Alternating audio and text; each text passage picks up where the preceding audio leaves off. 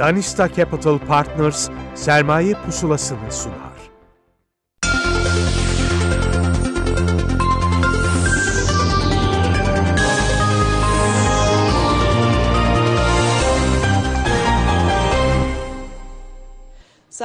Sermaye Pusulası programından merhaba. Her çarşamba 13'te olduğu gibi birlikteyiz ve bu programda biraz e, kurumsal finansman alternatiflerini ele almaya çalışıyoruz. E, değerli şirketleri ağırlıyoruz ve onların biraz da böyle yolculuklarına şahitlik e, yapıyoruz. Bugün de cam sektörünü konuşacağız. Çağdaş Cam CEO'su Serdar Raşit Pirinç bizimle beraber. Serdar Bey hoş geldiniz. İyi yayınlar. Çok teşekkürler. Öncelikle bir sizi tanıyalım. Çağdaş Cam kimdir? Neler yapar? Sizden dinleyelim. Evet biz e, cam işleme sanayisinde yarım asırı geride bırakmış bir sanayi kuruluşuyuz. E, ve bu yarım asırlık süre içerisinde markasını gözü gibi koruyan, üzerine titreyen e, bir aile şirketiyiz. E, aynı şekilde de yine bu yarım asırlık süre içerisinde e, çevik, e, sorumlu ve yenilikçi e, faaliyetlerde bulunan e, genç ve dinamik bir ekibiz. Bugün itibariyle e, iki tane Aydın'da, bir tane de Manisa Organize Sanayi Bölgesi'nde olmak üzere üç tane farklı yerleşkede faaliyet gösteriyoruz. Toplamda e, yıllık 100 bin tona yakın bir cam işleme kapasitesine sahibiz. E, üretimimizi e, otomasyon ve e, yenilikçi tekniklerle e, devam ettiriyoruz. E, bir ürünü üretmenin e, değil, onu mal etmenin bir mesele olduğunun farkında ve aynı zamanda da e, çevreye, doğaya sorumluluklarını yerine getirerek e, üretim yapıyoruz. E, bugün Çağdaş Cam dünyada e, birçok farklı coğrafyaya e, ihracat yapmaktadır. E, Latin Amerika ülkelerinden tutun da Asya'ya, Orta Doğu'dan tutun da Avrupa'ya kadar birçok yerde insanların hayatına dokunan cam ürünlerini işlemekteyiz. Evet, e, bu aslında e, yani yarım asırlık bir geçmişten bahsettiniz ve hani hem üretim yapan hem de ihracat yapan bir şirket. Peki e, cam sektörü dediğimiz zaman biraz da hani sektöre dair bir resim çizmenizi rica, rica edelim. Türkiye'de cam sektörünü değerlendirdiğimiz zaman nasıl bir tablo karşımıza çıkıyor? Şimdi ilk olarak bu soruya global değerlendirmeyle başlayayım. Dünyada cam sektörünün yaklaşık 75 milyar dolarlık bir ticaret hacmi var. 75 milyarlık ticaret hacmi içerisinde e, ana tüketim pazarları Amerika Birleşik Devletleri, Çin ve ardından Avrupa Birliği ülkeleri geliyor. E, Çin'i e, bir köşeye koyarsak Avrupa Birliği ve Amerika e, önemli e, pazarlar.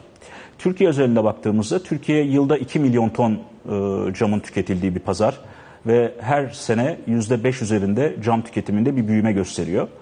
E, yakın coğrafyalarımıza baktığımızda ise Avrupa Birliği'nde 10 milyon ton, ee, Orta Doğu'da da 4 milyon tonluk bir pazar var. Yani çok basit bir hesapla e, Türkiye ve çevresine baktığımızda e, toplamda 16 milyon tonluk hemen ulaşabilir e, pardon toplamda 16 milyon e, tonluk evet hemen ulaşabileceğimiz bir pazar söz konusu. E, Türkiye burada konum itibariyle Doğu ile Batı arasında hibrit bir ülke görevi e, görmesinden mütevellit e, sadece Türkiye ile sınırlı kalmayan dünyanın dört bir yanına da ürünlerini ihraç edebilen bir endüstriyiz. E, güçlü bir ekosistemiz. E, Türk cam sanayisi içerisinde birçok farklı alanda kabiliyetleri olan, e, dünya çapında rekabet etme e, yeteneği gösterebilen, e, endüstriyel altyapısını e, tamamlama noktasında e, olan ve olmuş birçok e, değerli firmamız var. Bu firmaların e, uzun yıllardan beri e, cari açık cari açığı kapatmaya yönelik çalışmaları, ihracat faaliyetleri devam ediyor. Dolayısıyla Türk cam sanayisi bugün itibariyle e, Türk sanayisinin e, gurur duyacağı ölçekte bir e, kümelenmedir. Evet, e, ya ihracat tarafında da katkının büyük olduğunun altını çizdiniz. E, peki geleceğe dair beklentiler nasıl acaba? Yani bu iyi e, çizmiş olduğunuz tablonun devam etmesini bekliyor musunuz? Şimdi biz e, genel olarak e, camcılar genel olarak iyimserdir. Biz hı hı. iyimseriz tabii ki. Karamsarlığı kabul etmiyoruz. Birçok zorluk var. E, bu zorlukların farkındayız. E, iyimserliğimiz gerçekçi olmadığımız manasına gelmiyor. Ama e, özellikle pandemi sonrasındaki dönemde şunu gördük ki dünyada Çin dışı bir tedarikçi olabilmek çok kıymetli. Hı hı. E, ve e, sektörlerimizin Çin dışındaki e, Çin dışı ülke olarak e, birçok rekabet hususunda hazır olması gerekiyor. Şimdi bu sene görüyorsunuz e, dünyada seçimlerin senesi. Evet. E, 2024 senesi içerisinde önemli seçimler var. Tabii ki Amerikan seçimleri burada çok belirleyici olacak. Amerikan seçimlerinde mevcut konjonktürün değişmesi halinde Çin'e bakış açısının da değişeceğini hesap etmemiz gerekiyor. Yani Trump seçilirse yeniden e, Çin konusunda biraz daha hani duvarlar kalkacak, e, küreselleşme daha da sıkıntıya girecek ve bunun da sonuçları olacak.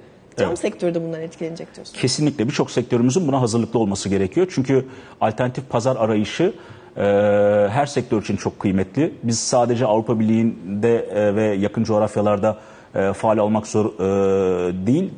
Dünyada ticaretin olduğu her yerde faal olmak zorundayız bütün endüstrilerimizle. Dolayısıyla Amerika Birleşik Devletleri ve Afrika e, gibi gelişen pazarlarda da gerek Türk cam sanayisi gerek diğer sektörlerimizin etkin olması gerekiyor. Ee, Türkiye'de baktığınızda ise e, Türkiye'de biliyorsunuz bir deprem kuşağındayız Ee, ve kentsel dönüşüm bizim için e, bir e, seçenek değil, bir zorunluluk. Dolayısıyla inşaat sanayisinin de birçok ürün grubunda başta cam olmak üzere burada e, oluşabilecek taleplere e, firmalarımızın hazır olması gerekiyor. Evet. Yani şimdi cam sektörü kendi kendine yetebiliyor Türkiye'de. Söylediklerinizden bunu çıkarıyoruz. Bir taraftan da işte e, ihracata da e, katkı veriyor ki hani pandemi sonrası Çin dışı herhangi bir e, e, tedarikçi olmak gerçekten çok değerli dediniz. Bir de rekabetçiliğin altını çizdiniz. Şimdi e, bazen e, hani özellikle mevcut ekonomi politikalarıyla beraber rekabetçiliğin bir miktar sorgulandığı bir dönemden de geçiyoruz. Türkiye'nin rekabet e, özellikle ihracatta rekabet avantajlarının hala olup olmadığı tartışılıyor. Sizin sektörünüz açısından baktığınız zaman e, ihracatı biraz daha canlandırabilmek için örneğin önünüzde engeller var mı? Yoksa hani orada da yine olumlu bir tablo mu çizersiniz? Şimdi iki e, e, sorunuza ilk önce birincisinden başlayayım. E, bir kere e, şu anda e, bir ürünü üretmenin e, endüstriyel manada e, çok fazla bir önemi yok. Asıl nokta ürünü mal etmekten geçiyor. Ürünü mal edebilmek adına da yapılması gereken aslında firmaların önemli sorumlulukları var, önemli dönüşümler var. E, burada e, özellikle e, Amerika Birleşik Devletleri seçimleri ve sonrasında oluşacak durum itibariyle baktığınızda bizim rekabet gücümüzü e, sağlayabilme kabiliyetimiz mevcut Türk cam sanayisi olarak. Çünkü bir kere kapasite olarak buna yeterliyiz. Şunun altını çizeyim. Türk cam e, Türkiye'de Türk cam sanayisinin e, gerek işleme gerek üretim kapasitesi Türkiye'nin ihtiyacını karşılamakta. Hatta ve hatta fazlasıyla da ihracata yönele, yönelebilir durumdadır. Dolayısıyla böyle bir sektör varken cari açığı kapatmaya yönelik e, ülkemize döviz kazandırıcı katma değer imkanı olan böyle bir sektör varken bizim bu sektörü e, çok daha fazla cesaretlendirmemiz lazım. E, aynı zamanda ülkemize yurt dışından giren e, ve haksız rekabete sebebiyet veren ithal girişli birçok ürünle alakalı da tekrardan politikalarımızı gözden geçirmemiz gerekiyor. E, buna ek olarak e, ikinci sorunuz e, bağlamındaysa e, cam sanayisinin e, önündeki değişim süreçlerini e, hep birlikte idrak ediyoruz, görüyoruz. Buradaki süreçlerin içerisinde e, tabii ki de rekabeti e, ve kuru e, ciddi derecede e, e, ele almamız gerekiyor. Bugün itibariyle kur konusunda birçok e, e, söylem var. Bizim buradaki bakış açımız biraz da aslında e, ayrışıyor. Yani eğer bir inovasyon üretemiyorsanız, eğer geleceğin e, sorunlarına çözümü bugünden üretemiyorsanız e, maalesef çoğunlukla e, kur gibi e, farklara odaklanmak zorunda kalıyoruz. Dolayısıyla kısa vadede evet kur birçok endüstrimiz için sorun. Fakat eğer bu sorunu kalıcı olarak çözmek ve sürekli e, bu konuları konuşmak istemiyorsak o zaman e, ileriye dönük oluşacak sorunlara e, katkı sağlayacak inovasyonları yapmamız gerekiyor.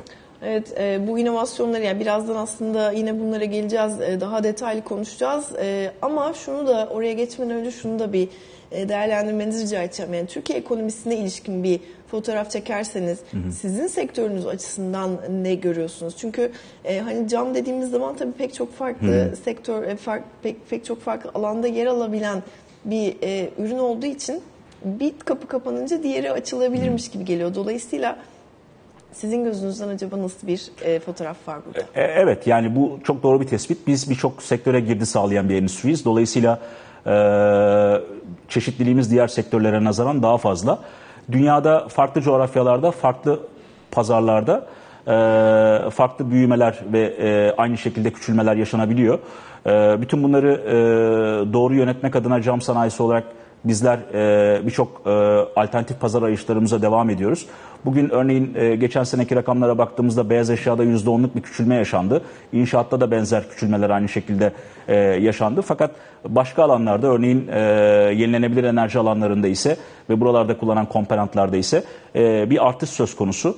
Tabii e, cam sanayisinin e, yurt dışındaki alternatif pazar çalışmalarına değinmişken şunu da belirteyim. Yani e, burada cam sanayisini konuşurken e, şişe camdan e, bahsetmemek mümkün olmaz. Türk sanayisinin e, amiral gemisi ve aynı zamanda da Türk cam sanayisinin önemli lideri olarak şişe cam özellikle Türk cam firmalarının dönüşümü, değişimi adına e, gerek bilgi konusunda gerek pazar faaliyetleri konusunda ciddi derecede sektörü uzun yıllardan beri desteklemekte. Buna ek olarak e, Turkish Glass kapsamında e, İhracatçılar Birliği liderliğinde bir platformumuz var. Bu platformda dünyada birçok fuara, birçok farklı sektörel fuara yani bir coğrafyada e, mobilya fuarına katılırken diğer coğrafyalarda inşaat, bir diğerinde beyaz eşya ya da enerji gibi fuarlara katılabiliyor. Bütün bu katılımlarla e, alternatif e, sektörlere hitap etme kabiliyetimizi devam ettiriyoruz. Bugün her ne kadar bazı alanlarda düşüşler yaşansa da biz Avrupa'da artık faiz artışlarının da sona ermesiyle birlikte yılın ikinci yarısından itibaren ihracatta bir hareketlenme olabilme ihtimalini yüksek görüyoruz. Dolayısıyla bunları yakından takip edip e, sektörümüze ve ülkemize fayda sağlayacak her türlü fırsattan istifade edebilmek için e, çalışmalarımızı sürdürüyoruz. E, o zaman hani e, şu sonucu çıkarabilir miyiz? Yani bu mevcut koşullarda siz mevcudiyeti korumaktansa biraz daha büyümeyi hedefliyorsunuz. Doğru mu?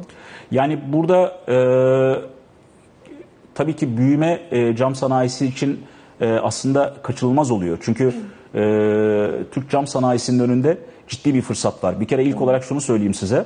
E, şu anda e, kurucu nesillerden sonra arkadan e, gelmekte olan iyi eğitimli, pırlanta gibi birçok genç arkadaşımız işletmeleri devralmaya başladı.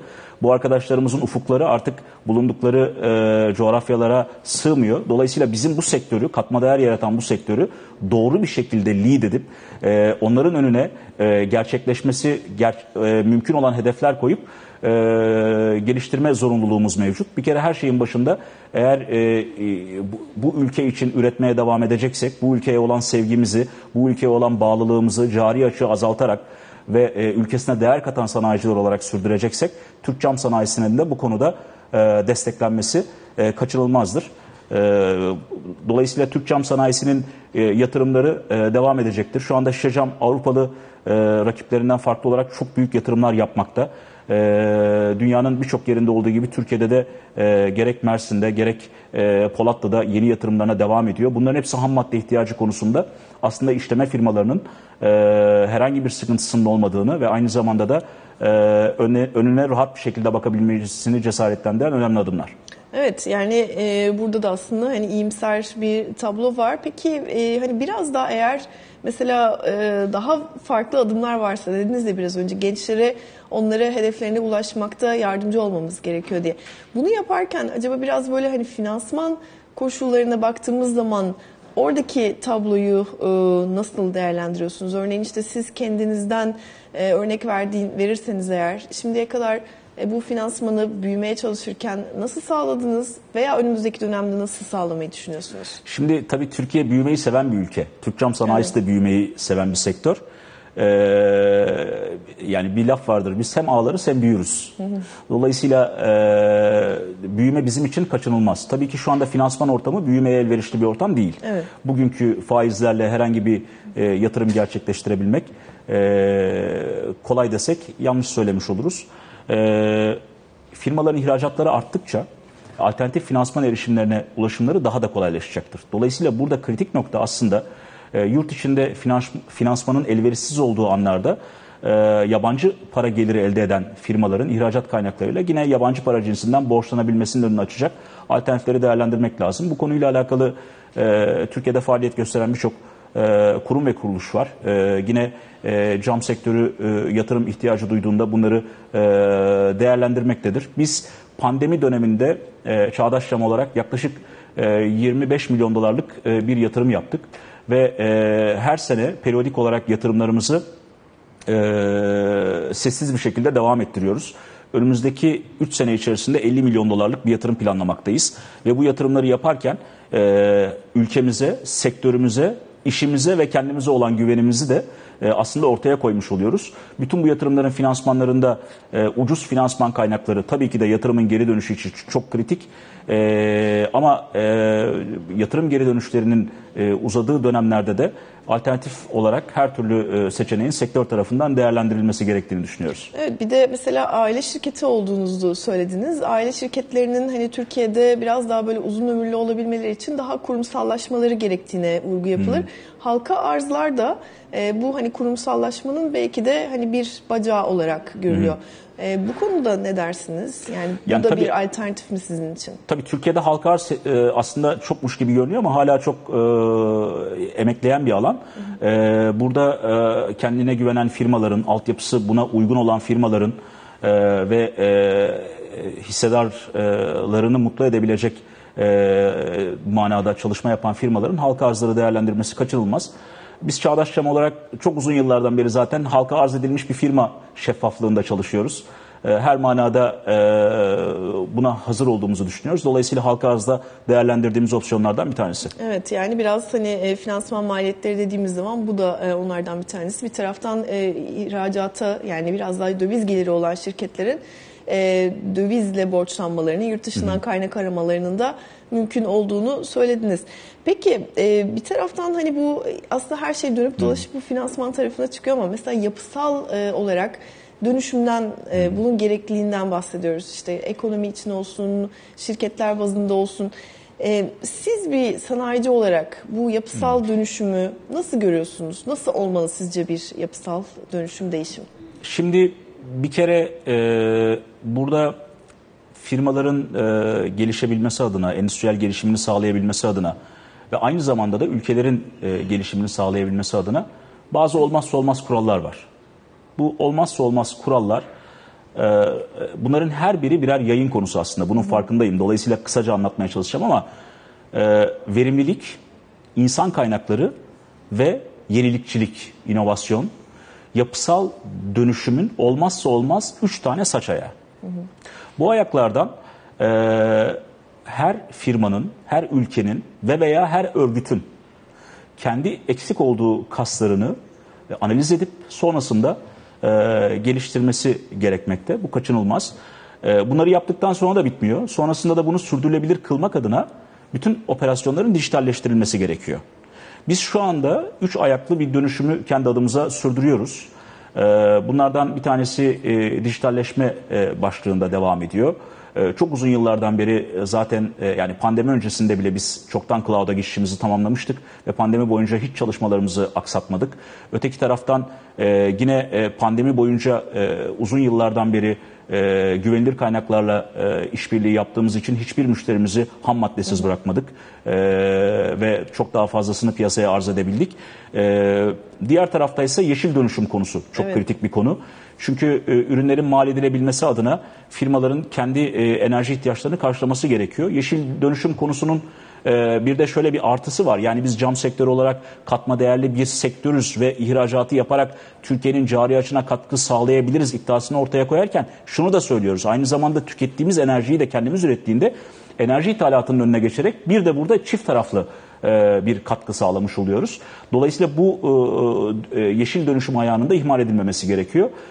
Tabii diğer konuda inovasyon. Biraz önce de belirttim. Eğer inovatif olmadığınız zaman e, o zaman kurdaki en ufak bir hareketlenme bile sizi kırılgan hale getiriyor.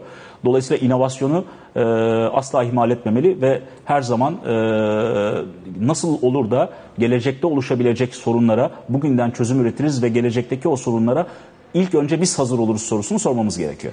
Evet, e şimdi son iki dakikamız kaldı. Verimlilik dediniz, üretkenlik, verimlilik, insan kaynağı ve inovasyon. Bunların üçü için e, aslında bazı örnekler verdiniz. Çok kısaca başka nasıl çalışmalar e, yaptınız? Özellikle işte bu hani yeşil dönüşüm tabii ki sürdürülebilirlik adına çok önemli.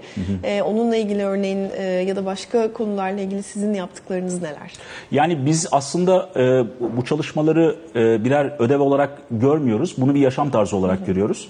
Dolayısıyla her alanda, her saniye örgütümüzün, ekibimizin her bir bireyi bu dönüşümü, bu değişimi çok büyük hareketlerle değil ama ufak ufak hareketlerle ama sürdürülebilir olarak yapma konusunda gayret ediyor. Nitekim e, biz şu anda sizinle burada sohbet ederken bir arkadaşımız başka bir yerde enerji tesisimizde e, bir faaliyet gösterirken başka bir arkadaşımız e, diğer alanlarda inovasyon konusunda çalışmalarını sürdürüyor. Burada ben e, gerek cam sanayisi gerek diğer endüstriyel e, birçok faaliyet için e, ARGE çalışmalarının öneminin e, altını çizmek istiyorum. E, ve şunu belirtmek istiyorum. Bizler Türk sanayicisi olarak üretmekten başka hiçbir çaresi olmayan e, insanlarız. Bizim ülkemize olan sevgimizi, aidiyetimizi e, ve görevimizi yerine getirmek için e, yatırımlarımızı ama inovatif kapsamda yatırımlarımızı e, sürdürmemiz gerekiyor. Evet, e, inovatif deyince şimdi az çok az vaktimiz kaldı ama Evet, yapay evet. zeka sizce hani e, bu anlamda nasıl Türk Ben e, fırsat sanayiciler- olarak görüyorum. Fırsat olarak görüyorum. Şu anda bizim de bu konuyla alakalı e, çok ciddi çalışmalarımız var. Üretimimizi paralel olarak yapay zekada üretmeye e, ve orada modellemeleri üzerine çalışmalar yapıyoruz. E, dolayısıyla yapay zekayı kesinlikle bir tehdit olarak görmemek, e, bir parçası olmak e, ve ondan istifade etmek gerektiği kanaatindeyim. Evet, çok çok teşekkür ediyoruz. Vermiş olduğunuz kıymetli bilgiler için Çağdaş Cam CEO'su Serdar Raşit Pirinç bizimle beraberdi Sermaye Pusulası programında. Programımızı bugünlük noktalıyoruz. Yeniden görüşmek üzere, hoşçakalın.